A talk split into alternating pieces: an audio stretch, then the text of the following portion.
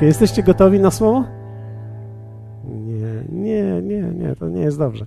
Ok, ale nie będę was w takim razie męczył, bo niektórych może nawet uda mi się obudzić.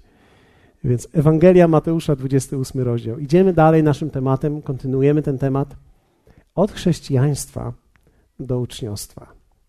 Powiedzmy razem, od chrześcijaństwa do uczniostwa. Będziemy wiele powtarzać dzisiaj, więc mówimy o tym, jaka jest wielka różnica pomiędzy nominalnym chrześcijaństwem a uczniostwem.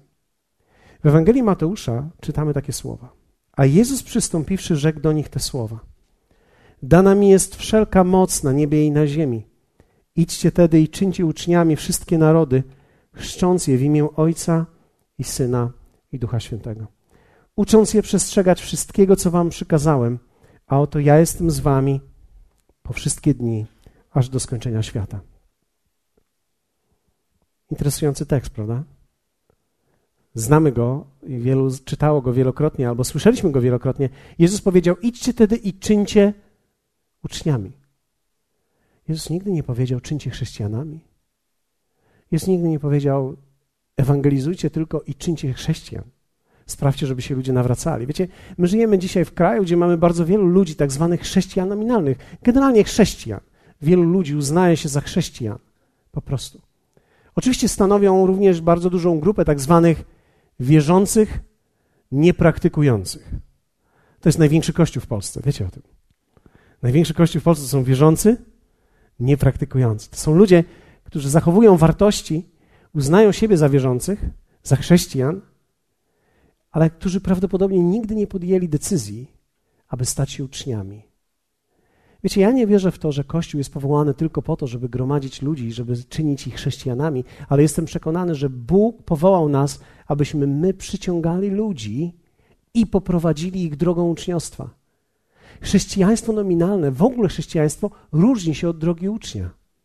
I mówiliśmy o tych różnicach w zeszłym tygodniu. Jeśli ktoś z Was jest tym zainteresowany, na pewno CD Wam pomoże. Jestem przekonany, że jeśli ktoś z Was usłyszy, jakie są różnice, będzie rozumiał lepiej dzisiaj to słowo. Wiecie, Dzieje Apostolskie, szósty rozdział, werset siódmy mówi tak. Spójrzcie. A Słowo Boże rosło i poczet uczniów w Jerozolimie bardzo się pomnażał. Także znaczna liczba kapłanów przyjmowała wiarę. Zwróćcie uwagę, to jest bardzo ciekawe, ponieważ mówiliśmy o tym w zeszłym tygodniu, że poczet uczniów rósł, ale też byli ludzie, którzy przyjmowali wiarę. Inaczej mówiąc, są ludzie, którzy przyjmują wiarę, i są ludzie, którzy robią jakby krok dalej, albo kolejne kroki, stają się uczniami. Ale jest to poprzedzone czymś, co jest bardzo istotne, mianowicie Słowo Boże rosło. To okazuje się niesłychaną prawdą, że dopóki Słowo nie rośnie w człowieku, nie może człowiek stać się uczniem. Wiecie, czasami zadaję pytanie ludziom, czy znasz Biblię, czy czytałeś Biblię. I niektórzy mówią, mam Biblię, ale niekoniecznie do niej zaglądam. Niektórzy mówią, mam Biblię, ale tylko niektórzy ludzie ją rozumieją, więc ja jej nie czytam. Albo niektórzy mówią, za każdym razem, kiedy ją otwieram, to nic nie rozumiem z tego, co tam jest napisane. Albo rozumiem tylko pobieżnie. Wiecie, ale słowo musi być wykładane, musi być przyniesione do ludzi i oświecenie słowa musi stać się częścią życia wierzących. Więc ustanowiliśmy jedną rzecz. Jezus nie powoływał chrześcijan. Jezus wywoływał uczniów. Powiedzmy razem, nie chrześcijan, ale uczniów. Chrześcijaństwo jest kwestią jednej decyzji. Aby zostać chrześcijaninem, człowiek musi przyjść do Boga, uznać wyższość Jego, uznać ofiarę Jezusa, przyjąć Go do swojego serca. I Biblia mówi, że kiedy człowiek to zrobi, staje się chrześcijaninem, staje się zbawionym człowiekiem. Nawet teksty mówią, że jeśli ustami swoimi wyznasz, tak? w sercu uwierzysz i ustami wyznasz, że Jezus jest zbudzony z martwych i że został przysłany tutaj, będziesz zbawiony. Ale wiecie, to jest w sercu uwierzysz, ustami wyznasz, to jest jedna decyzja i człowiek jest zbawiony. Jedna decyzja. Ale uczniostwo to jest konsekwencja wielu decyzji. Człowiek nie staje się uczniem przez jedną decyzję. Człowiek staje się uczniem przez wiele decyzji. Jak wielu z Was widzi, że jest to trochę trudniejsze? Dziękuję Wam za Wasz entuzjazm. Naprawdę zachęcacie mnie. E, ja jak ostatnio żadnej miłości w ogóle nie czuję. A jeszcze najgorsze jest to, bo wiecie, przeważnie siedzi moja żona. Więc kiedy szukam jakby takich oczu miłości, to ona do mnie mówi, wow, oczami, wzrokiem mówi do mnie. A teraz nie ma, była na pierwszym spotkaniu, więc miłość się skończyła. Chrześcijaństwo zaczyna się w sercu jako jedna decyzja, ale uczniostwo jest kwestią wielu decyzji. Bez decyzji o uczniostwie chrześcijaństwo staje się formą religii i bardziej drogą uczynków niż życia Bożego i pełnienia Jego woli. Staje się pewną rutyną i człowiek tylko dba o to, żeby do kościoła trafić. Kto z Was pamięta czasy ewentualne, kiedy tylko chciałeś zaliczyć spotkanie albo nabożeństwo, albo mszę? Ale wiecie, to nie jest uczniostwo, to jest chrześcijaństwo. Kiedy tak się dzieje, tak naprawdę bez decyzji o uczniostwie, to chrześcijaństwo staje się miejscem osądu i walki wewnętrznej. Czyli zaczynam żyć osądem.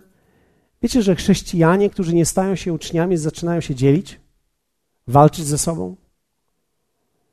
Zaczynają mówić, czyje chrześcijaństwo jest lepsze. Zaczynamy ważyć w sobie to chrześcijaństwo. O, ty jesteś gorszym chrześcijaninem niż ja, albo my jesteśmy lepsi chrześcijanie niż oni. Uczniowie tego nie mówią. Dlatego, że uczeń żyje zupełnie inną rzeczywistością. Chrześcijanie tak. Wiecie, kiedy mówię słowo chrześcijaństwo, mam na myśli nawet odrodzonych ludzi. Dlatego, że ja spotkałem wielu chrześcijan odrodzonych, którzy żyją coraz smutniejszym życiem. Dlatego, że chrześcijaństwo, które nie zamienia się w uczniostwo, jest coraz bardziej smutne. Kiedy człowiek nie staje się uczniem, nie jest wolny. A kiedy człowiek nie jest wolny, nie może być szczęśliwy. Dlatego, że szczęście płynie z wolności. Wiecie, że coraz trudniej po latach cieszyć się z tego, że się narodziłem na nowo 10 lat temu?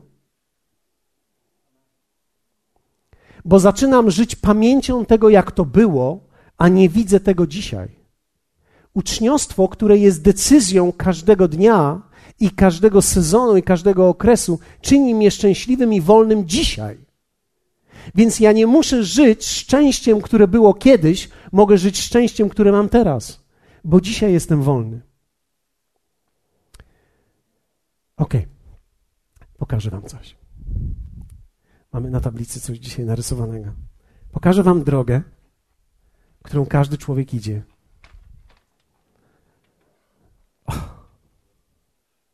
to nie jest tak. Musimy odwrócić drugą stronę. I jeszcze tak. Dziękuję. Mamy tutaj dwie drogi. Powiedzmy razem dwie. Dwie drogi.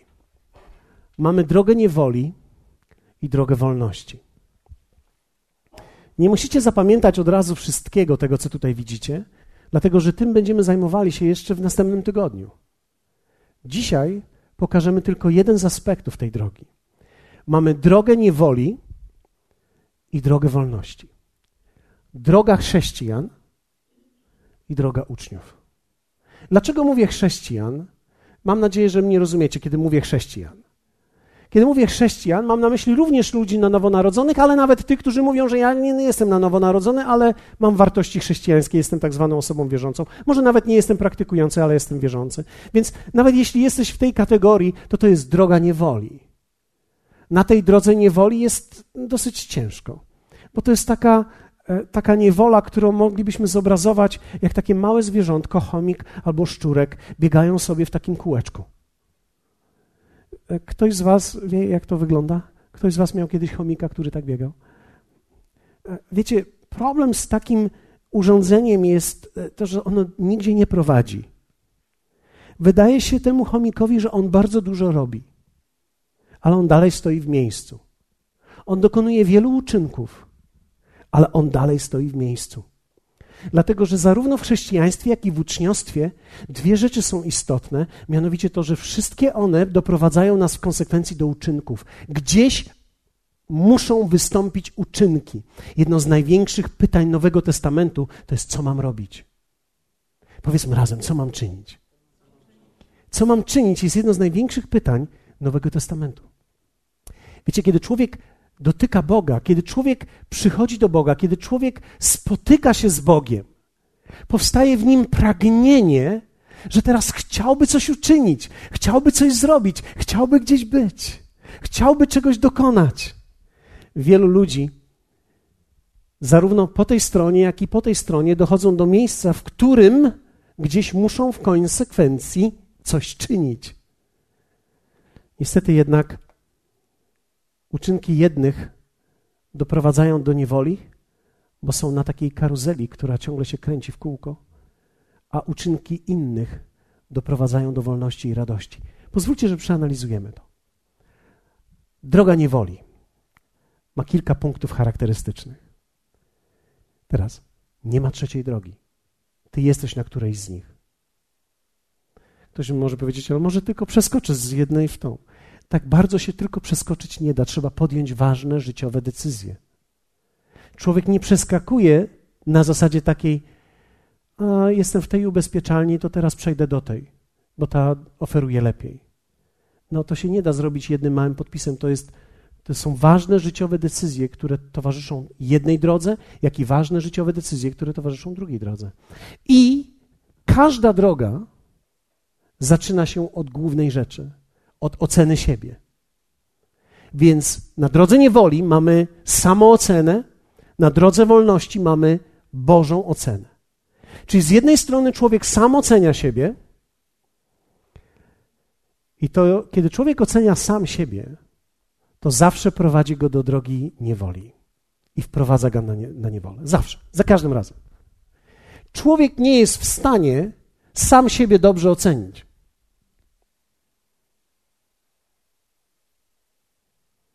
Człowiek nie jest w stanie sam siebie dobrze ocenić, ale ludzie robią to. Mówi się często o wysokiej samoocenie albo o niskiej samoocenie. Ale niezależnie, czy, to jest, czy masz wysoką samoocenę, czy niską samoocenę, tak długo jak to nie jest Boża ocena, to będzie prowadziło cię to do niewoli. Jeśli będziesz miał niską samoocenę, czyli będziesz człowiekiem, który mówi: Ja się do niczego nie nadaję, jestem słaby, nic nie mogę, nic nie umiem, nic nie wyjdzie, po co próbować? Będziesz miał prawdopodobnie nieszczęśliwe życie i będziesz w niewoli. Ale możesz mieć też inny rodzaj. Wszystko ze mną jest dobrze. Jestem wspaniały, jestem piękny, jestem przystojny, wszystko wyjdzie. Jestem człowiekiem pełnym e, pozytywnych myśli, pozytywnej energii. Prawdopodobnie będzie, wszystko będzie bardzo dobrze. W dalszym ciągu jesteś w niewoli, tylko będziesz ją przeżywał troszkę bardziej szczęśliwie. Inaczej mówiąc, będziesz przez chwilę zadowolony, aż do momentu konkretnego kryzysu w Twoim życiu. Bo wiecie, życie się nie zmienia, dlatego że ja tylko o nim pozytywnie myślę. Nie wystarczy być tylko pozytywnie nastawionym do życia, żeby było dobre życie.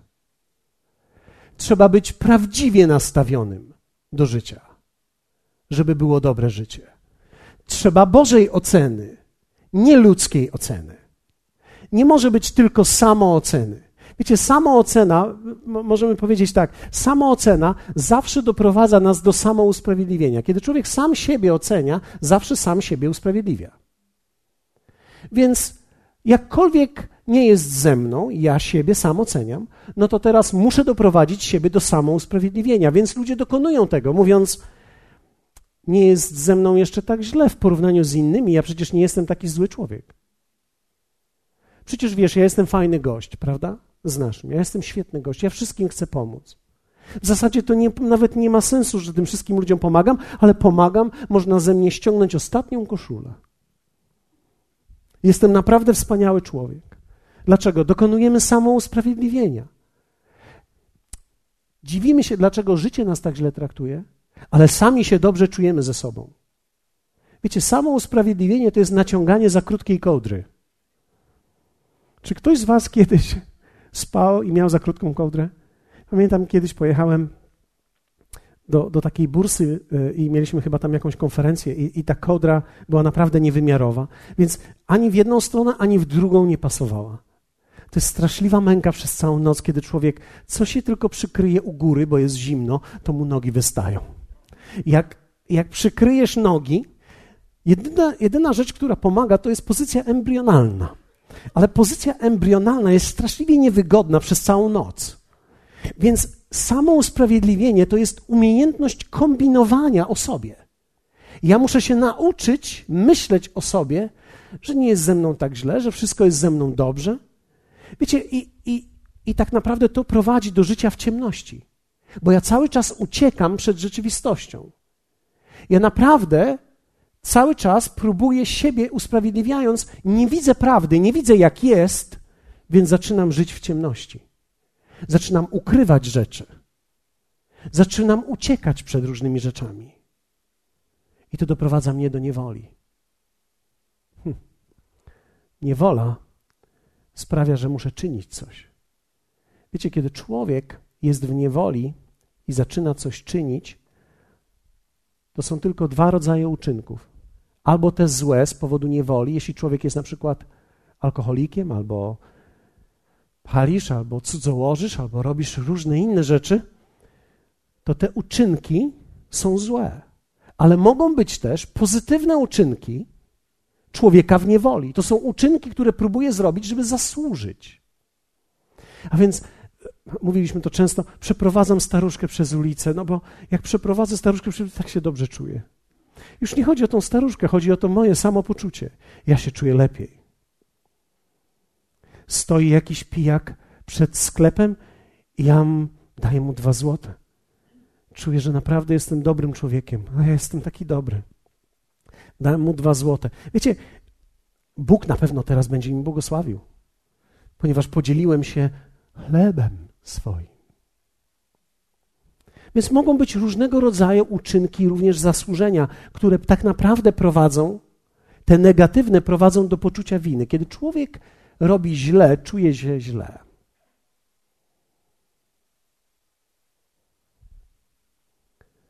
A te pozytywne uczynki do rozczarowania. Bo teraz ja jestem taki porządny, ja jestem ten taki religijny, ja jestem taki dobry człowiek pomagam temu i pomagam temu i pomagam tego, temu i oni wszyscy mnie wykorzystali. Ja teraz jestem wykorzystany. I mam rozczarowanie z tego powodu. Rozczarowanie znowu, wiecie, to jest koło. Z powrotem wracam do samooceny. No a przecież ja jestem taki dobry. No i zaczynamy w kółko tą samą drogę niewoli w swoim życiu. To jest droga niewoli, to jest pewien cykl, który prowadzi ludzi w niewoli, który trzyma ludzi w niewoli i tylko prawda Słowa Bożego jest w stanie uwolnić ludzi. Ok? A spójrzmy teraz na drogę wolności. Boża ocena. Powiedzmy razem, Boża ocena. Droga wolności jest genialna, ale jest bardzo trudna. Droga wolności zaczyna się od tego, że muszę podlegać pewnej Bożej ocenie. Ok.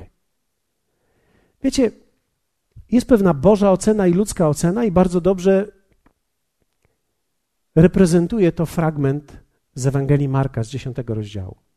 Pamiętacie bogatego, młodego człowieka? Pewien człowiek w 10 rozdziale Ewangelii Marka w 17 wersecie do, 20, do 22 mówi tak. Gdy Jezus wybierał się w drogę, przybiegł ktoś, upadł przed nim na kolana i zapytał go: Nauczycielu dobry, co mam czynić, aby odziedziczyć żywot wieczny? A Jezus odrzekł: Czemu mnie nazywasz dobrym? Nikt nie jest dobry, tylko jeden Bóg. Znasz przykazania. Nie zabijaj, nie cudzołóż, nie kradnij, nie mów fałszywego świadectwa, nie oszukuj, czci ojca swego i matkę. Inaczej mówiąc, kiedy ktoś mówi dobry, Jezus mu przedstawia serię przykazań. I teraz zobaczcie, jaka jest odpowiedź tego młodzieńca. A on mu odpowiedział. Interesujące, prawda? Nauczycielu, Tego wszystkiego przestrzegałem od młodości mojej. Ja myślę, że ten człowiek to Polak. No przecież Polacy, my jesteśmy tacy dobrzy ludzie. My od młodości jesteśmy wierzącymi. My od młodości, od urodzenia jestem chrześcijaninem. No, no jak inaczej?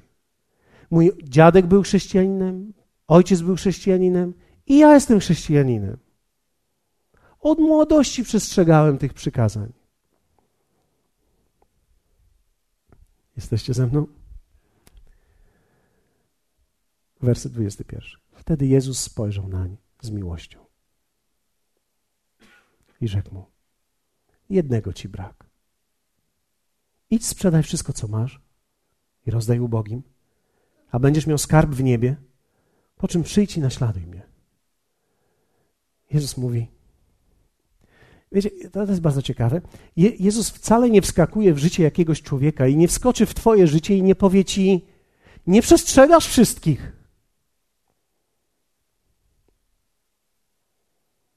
Jezus dał mu test. Kiedy on powiedział: Tego wszystkiego przestrzegam od urodzenia. Jezus mówi: Idź sprzedaj to, co masz, to, co na ten dzień masz i handlujesz tym.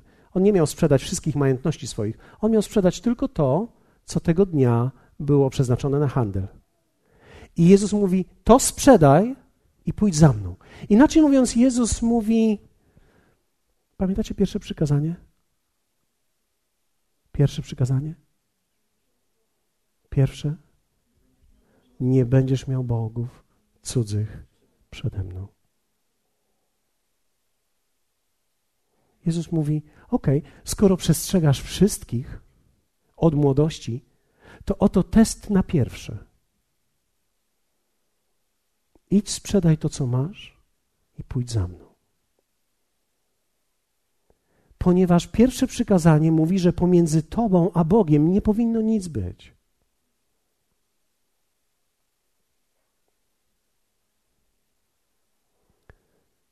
Ten człowiek odszedł zasmucony, gdyż miał bardzo wiele towaru tego dnia.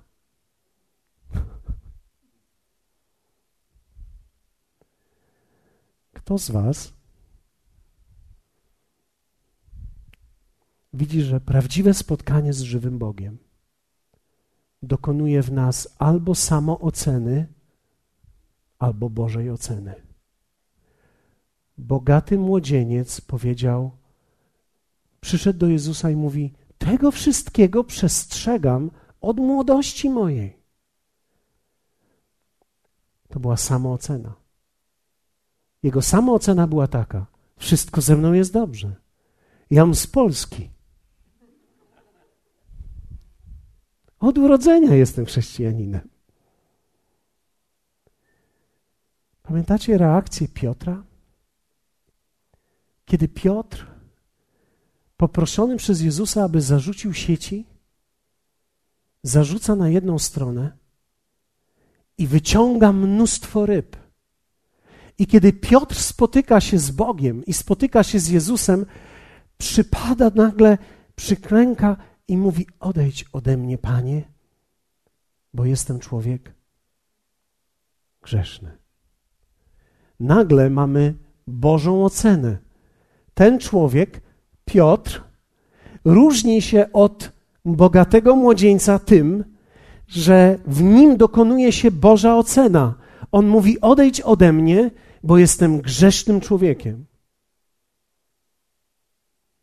Okazuje się, że ten odchodzi zasmucony. A do tego Jezus mówi: Nie bój się odtąd ludzi łowić będziesz.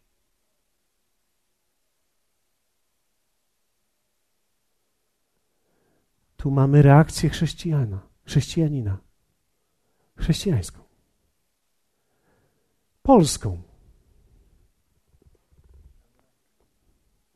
Od samej młodości. Ale gdybyś ty miał pomyśleć chwilę uczciwie o swoim życiu. Czy kiedykolwiek skłamałeś? Niektórzy są tak mistrzami w tym, że nawet teraz kłamią do siebie. Mówią, nie, ja, ja nie kłamię. Jesteś dobry. Jesteś naprawdę dobry. Jeśli pomyślałeś, ja nie kłamię, jesteś naprawdę dobry. Doszedłeś do perfekcji. Kłamiesz tak dobrze, że sam w to wierzysz. To jest już perfekcja. Czy kiedykolwiek cudzołożyłeś? Ja nie, ale Jezus powiedział, że jeśli spojrzysz niewłaściwie na kobietę, to już popełniłeś z nią cudzołóstwo. Jak teraz wygląda Twoje cudzołóstwo? Czy któryś z mężczyzn tutaj popełnił cudzołóstwo?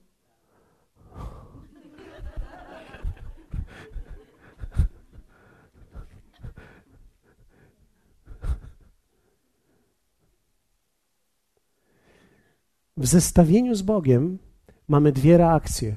Jest droga, która prowadzi do wolności, to jest droga prawdy. To jest droga, kiedy człowiek spotyka się z Bogiem i mówi: Odejdź ode mnie, Panie, bo jestem człowiek grzeszny. Bóg nigdy nie odtrąca człowieka, który wchodzi na tą drogę prawdy. Ci ludzie sami odchodzą lub są odsunięci. Wiecie, faryzeusze byli tymi, którzy się sami dobrze oceniali. Faryzeusze mówili: My przestrzegamy przykazań i naszym ojcem jest Abraham. A Jezus im powiedział: Ale zanim Abraham był, ja byłem. I chcieli go ukamieniować.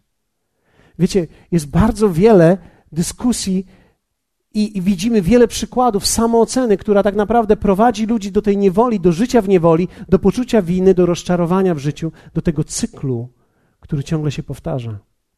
I dzisiejszego dnia wierzę w to, że Bóg powołuje Ciebie i mnie, abyśmy weszli na tą drogę wolności. To jest Boża ocena. Zaczyna się wszystko od tego, że człowiek musi przyjść do Boga. I zanim stanie się uczniem, musi stać się chrześcijaninem. A stajesz się chrześcijaninem, mówiąc: Nie jest ze mną dobrze, jestem człowiek grzeszny. Pamiętam, jak ja próbowałem odsunąć się od Boga, jak ja próbowałem uciekać przed Bogiem. Pojechałem na rekolekcję, próbowałem uciekać, ponieważ wydawało mi się to okropne. Jak to jest możliwe, żeby święty Bóg chciał zamieszkać w takim sercu jak moje? Ja byłem okropny. Wiecie, ja nagle zobaczyłem swoje życie i to jest tak, jakbyś stary konar, który leży od wielu lat, podniósł. I co pod nim znajdziesz? Różne rodzaje zwierząt. Jak stara deska, która gdzieś już jest zarośnięta. Podniesiesz ją i nagle widzisz to wszystko. Ja myślałem sobie, Bóg nie może chcieć zamieszkać w takim sercu jak moje. Ale wiecie, kiedy Bóg widzi, że człowiek nie ściemnia, ma dla niego przygotowany dar wolności i usprawiedliwienia. Dlatego, że kiedy człowiek mówi, Panie, jestem winny, zgrzeszyłem, wtedy może otrzymać usprawiedliwienie Boże i dar Boży. Usprawiedliwienie, które jest od Boga.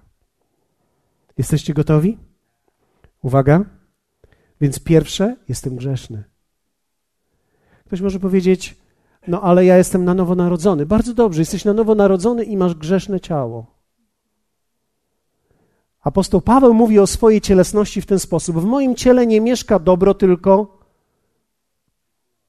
Co mieszka? Okej. Okay. Ja wiem, że nikt z Was nie jest tak zły jak ja, ale wiecie, moje ciało, ja je testuję bardzo często i widzę w nim różnego rodzaju ciągoty. Oto jedno z najmniejszych. Gdy leżą cukierki czekoladowe, Mój duch mówi do mnie: Nie potrzebujesz tych cukierków czekoladowych. Moje ciało mówi: Zjedz je wszystkie.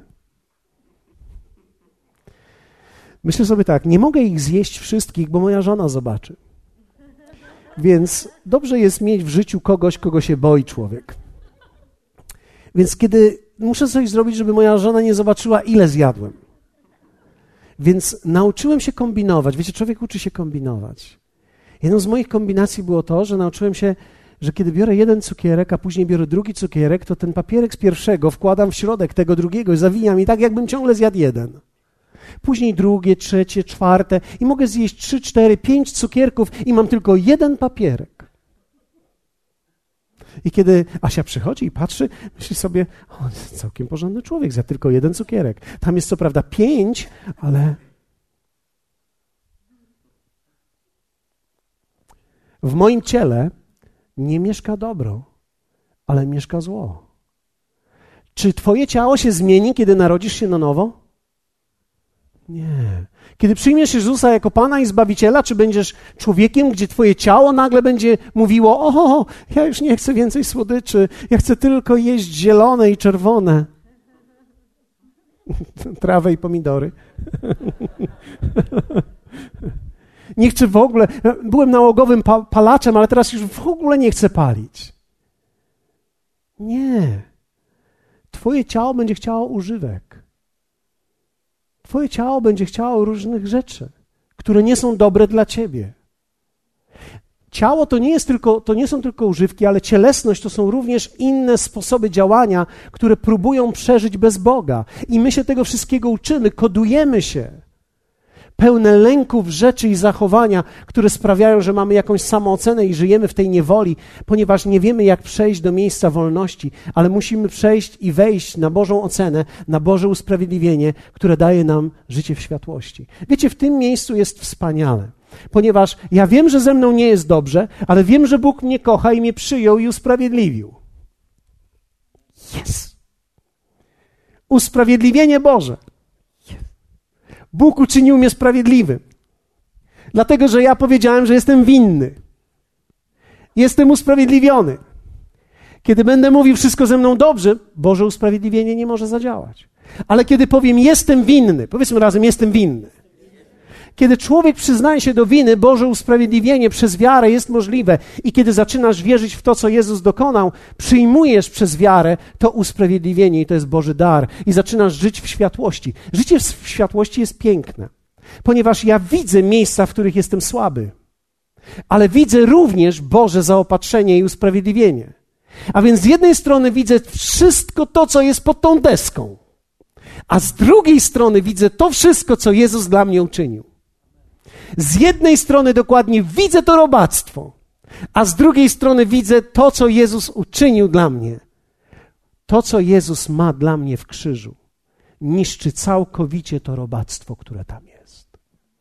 W Jezusie jest całkowicie moja nadzieja. W Jezusie jest całkowicie ten preparat, którym gdy popsikam, to te robaczki krzywią się i zanikają, i tylko dymek leci po nich.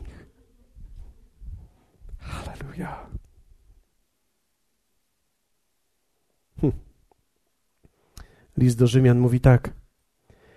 I usprawiedliwieni darmo z łaski Jego przez odkupienie w Chrystusie Jezusie, którego Bóg ustanowił jako ofiarę przebłagalną przez krew Jego, skuteczną przez wiarę dla okazania sprawiedliwości swojej, przez to, że w cierpliwości Bożej pobłażliwie odniósł się do przedtem popełnionych grzechów dla okazania sprawiedliwości swojej w teraźniejszym czasie, aby On sam był sprawiedliwym i usprawiedliwiającym tego, który wierzy w Jezusa.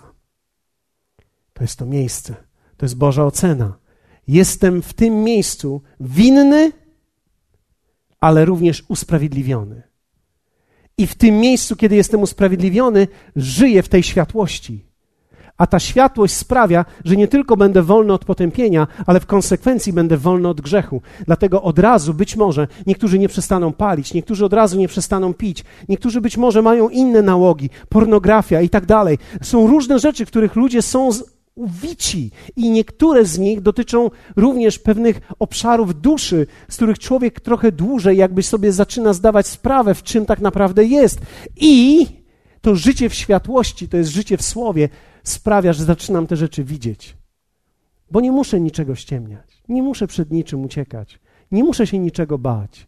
Dlaczego? Bo Bóg, który mnie kocha, nie odrzuca mnie, przyjmuje mnie. W Jezusie dał mi zaopatrzenie, że z tego wszystkiego, w czym byłem słaby, mogę teraz wyjść, ponieważ nie chcę być tylko chrześcijaninem, ale chcę stać się uczniem. Nie chcę być tylko wierzącym, chcę być uczniem, który podąża za nim w światłości. Gdy trwam w słowie, dochodzę do miejsca wolności i wtedy zaczynam działać i mam też uczynki, ale są to uczynki sprawiedliwości, których owocem jest radość i odpowiedzialność. Powiedzmy razem o radość i odpowiedzialność. Teraz, kiedy pomagam staruszce, to nie dlatego, żeby się lepiej poczuć, ale dlatego, że to jest moja natura, którą Bóg mi dał. Teraz, kiedy komuś daję dwa złote, to dlatego, że naprawdę troszczę się o tego człowieka. Nie chodzi o to, że się lepiej czuję, bo ja, ja nie robię tego, żeby się lepiej poczuć, bo ja się już dobrze czuję, zanim mu dałem te dwa złote. Bardzo dobrze się czuję, jestem przyjętym przez Boga, jestem synem Bożym, należysz do Niego i z powodu tego, że tak się dobrze czuję i mam taką Bożą naturę, mogę dać te dwa złote, czy pięć złotych, czy dziesięć złotych, czy komuś mogę dać pięćset złotych, czy tysiąc złotych, czy pięćdziesiąt tysięcy złotych.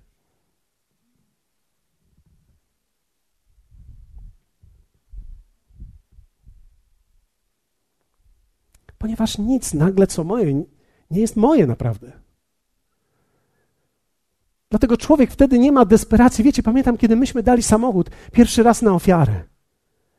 Z moją żoną baliśmy się strasznie. Pomyśleliśmy sobie, mój Boże, dać na samochód, samochód na ofiarę w kościele to jest tragedia. To już naprawdę ktoś się zmanipulował. Jedyny problem był taki, że to ja byłem tym pastorem. Więc jak człowiek może nakręcić siebie, żeby dać tyle? Ale w rzeczywistości jest tak, że jeśli nagle coś w Twoim życiu nie jest Twoje, to jesteś wolny od tego. Nie należy to do ciebie, to należy do Pana. Jeśli Pan chce, może mieć cokolwiek chce. Jeśli chce tej marynarki, może mieć tą marynarkę. Jeśli chce ten krawat, może mieć ten krawat. Cokolwiek Bóg chce, cokolwiek mam, nagle jest to życie w wolności. Życie w uczynkach sprawiedliwości, które przynoszą radość i odpowiedzialność ponieważ mogę popełniać błędy, ale teraz, w tym momencie, kiedy popełniam błędy, jestem za nie odpowiedzialny. Więc kiedy na przykład coś zrobię, coś powiem źle, w jakiś sposób niewłaściwy się zachowam, a są ludzie, którzy są blisko mnie. W mojej małej grupie, tak jak Iza i Mirek, i Mirek przychodzi i mówi: Wiesz co, wydaje mi się, że ostatnio, kiedy byłeś na naszej małej grupie, zachowałeś się niewłaściwie. Myślę, że nie użyłeś parę twardych słów. Wtedy ja Mówię, super, dziękuję Ci, że mi to powiedziałeś. Dlaczego? Bo jestem odpowiedzialny. Nie czuję się nagle źle, nie czuję się, że ktoś mi przetrącił, ktoś mi odrzucił. Teraz miałem przyjaciela i teraz nie mam przyjaciela, bo prawdziwy przyjaciel powie Ci prawdę.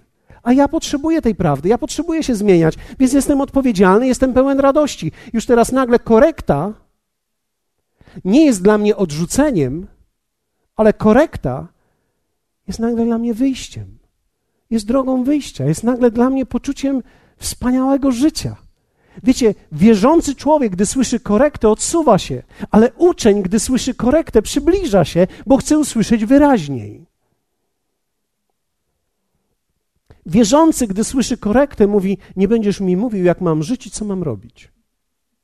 Jestem wolny. Wiecie, każdy, wol, każdy zniewolony musi podkreślać swoją wolność. Wiecie, kiedy człowiek musi podkreślać swoją wolność, nie będziesz mi mówił, ja jestem wolny, to prawdopodobnie nie jest wolny.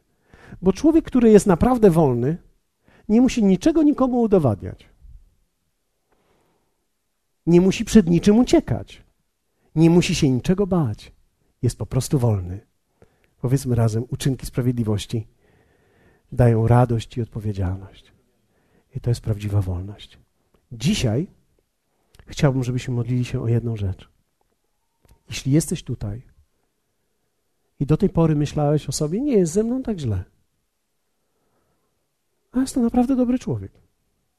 Tylko nie wiem, czemu mi tak życie nie wyszło. To ja ci odpowiem. Potrzebujesz Jezusa w swoim życiu. Potrzebujesz Go przyjąć jako Pana i Zbawiciela. Potrzebujesz stanąć w prawdzie i powiedzieć: Jestem winny. Nie jestem aż taki dobry. Ktoś może powiedzieć: ale ja naprawdę jestem dobry. Proszę cię, przestań ściemniać. Im szybciej przestaniesz ściemniać, tym szybciej wolność przyjdzie do twojego życia. Ale jeśli powiesz, jestem winny, to nie wyjdziesz z tego miejsca zasmucony. Wyjdziesz z tego miejsca powołany. ten odszedł zasmucony, ale ten odszedł powołany. Jezus powiedział do niego: Nie bój się. Wiecie, tutaj odczuwamy nie, nieprawdopodobny lęk. Jak ja w mojej grzeszności mogę się nadawać do czegoś. Bóg kocha takich ludzi.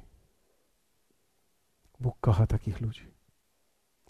Bóg kocha ludzi, którzy powiedzą: Ja nie wiem, ja się nie nadaję, jestem grzeszny.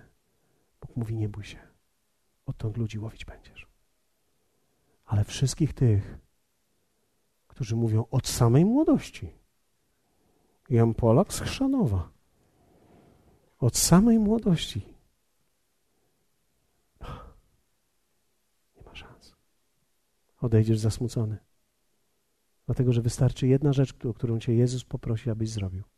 Nie będziesz w stanie.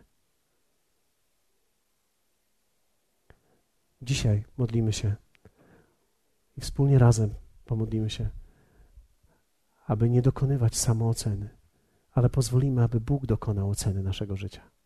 Powstańmy. Bóg niech dokona oceny naszego życia. Wiecie,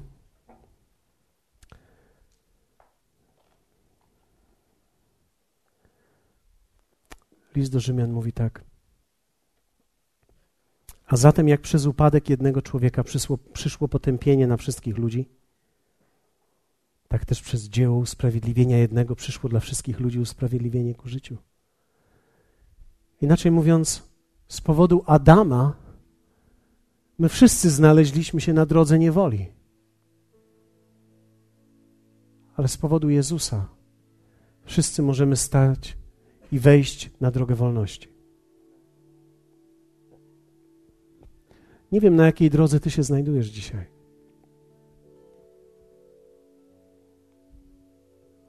Ale chciałbym ci powiedzieć, że tylko jedna droga prowadzi do wolności. Apostoł Paweł w liście do Koryntian mówi takie poważnie, poważnie brzmiące słowa. Mówi tak. Lecz co się mnie tyczy, nie ma najmniejszego znaczenia, czy wy mnie sądzić będziecie, czy jakiś inny sąd ludzki. I mówi tak, bo nawet ja sam siebie nie sądzę. Inaczej mówiąc, nie dokonuję samooceny. Albowiem do niczego się nie poczuwam. Lecz to mnie jeszcze nie usprawiedliwia. Czyli apostoł Paweł mówi to, że ja się nie czuję winny, wcale nie oznacza, że jestem niewinny. Bo tym, który mnie sądzi, jest Pan. Jeśli jesteś dzisiaj tutaj i czujesz, że jesteś w takim cyklu tej niewoli, cyklu upadków, cyklu zmagania, czujesz, że być może usidliło cię coś, co jest może Twoim nałogiem i nie wiesz, jak z tego wyjść, próbujesz czasami dokonywać samooceny i nie wiesz tak naprawdę, jak dokonać tej samooceny. Czasami czujesz, że to poczucie winy i rozczarowania, nawet sobą samym, przygniata ciebie. Dzisiaj jest dzień wolności.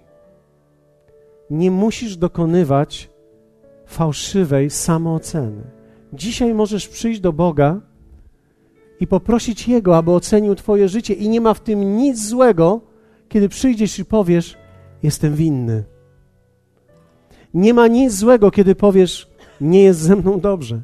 Nie ma nic złego, kiedy powiesz: Jestem grzesznym człowiekiem.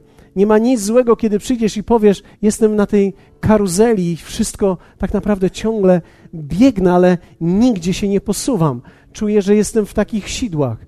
Jezus ma odpowiedź dla ciebie dzisiaj. Jeśli pragniesz takiej modlitwy, jeśli, jeśli chcesz tego, jeśli chcesz z tego wyjść, to jest kwestia nie jednej decyzji, ale wielu decyzji, ale jestem przekonany, że dzisiaj możesz podjąć pierwszą decyzję, która poprowadzi Ciebie dalej. W następnym tygodniu będziemy widzieli, jak to samo usprawiedliwienie i usprawiedliwienie Boże działa, jak działa życie w światłości. Ale dzisiaj możesz podjąć decyzję, aby nie dokonywać samooceny, ale pozwolić Bogu oceniać swoje życie. Nawet jeśli jesteś osobą wierzącą i mówisz, ja już należę do Pana, Nie próbuj dokonywać samooceny swojego życia, ale bądź odpowiedzialny i pozwól, aby Bóg oceniał to, co robisz, to, czym żyjesz, jak żyjesz, a wtedy będziesz i pozostaniesz na tej drodze wolności.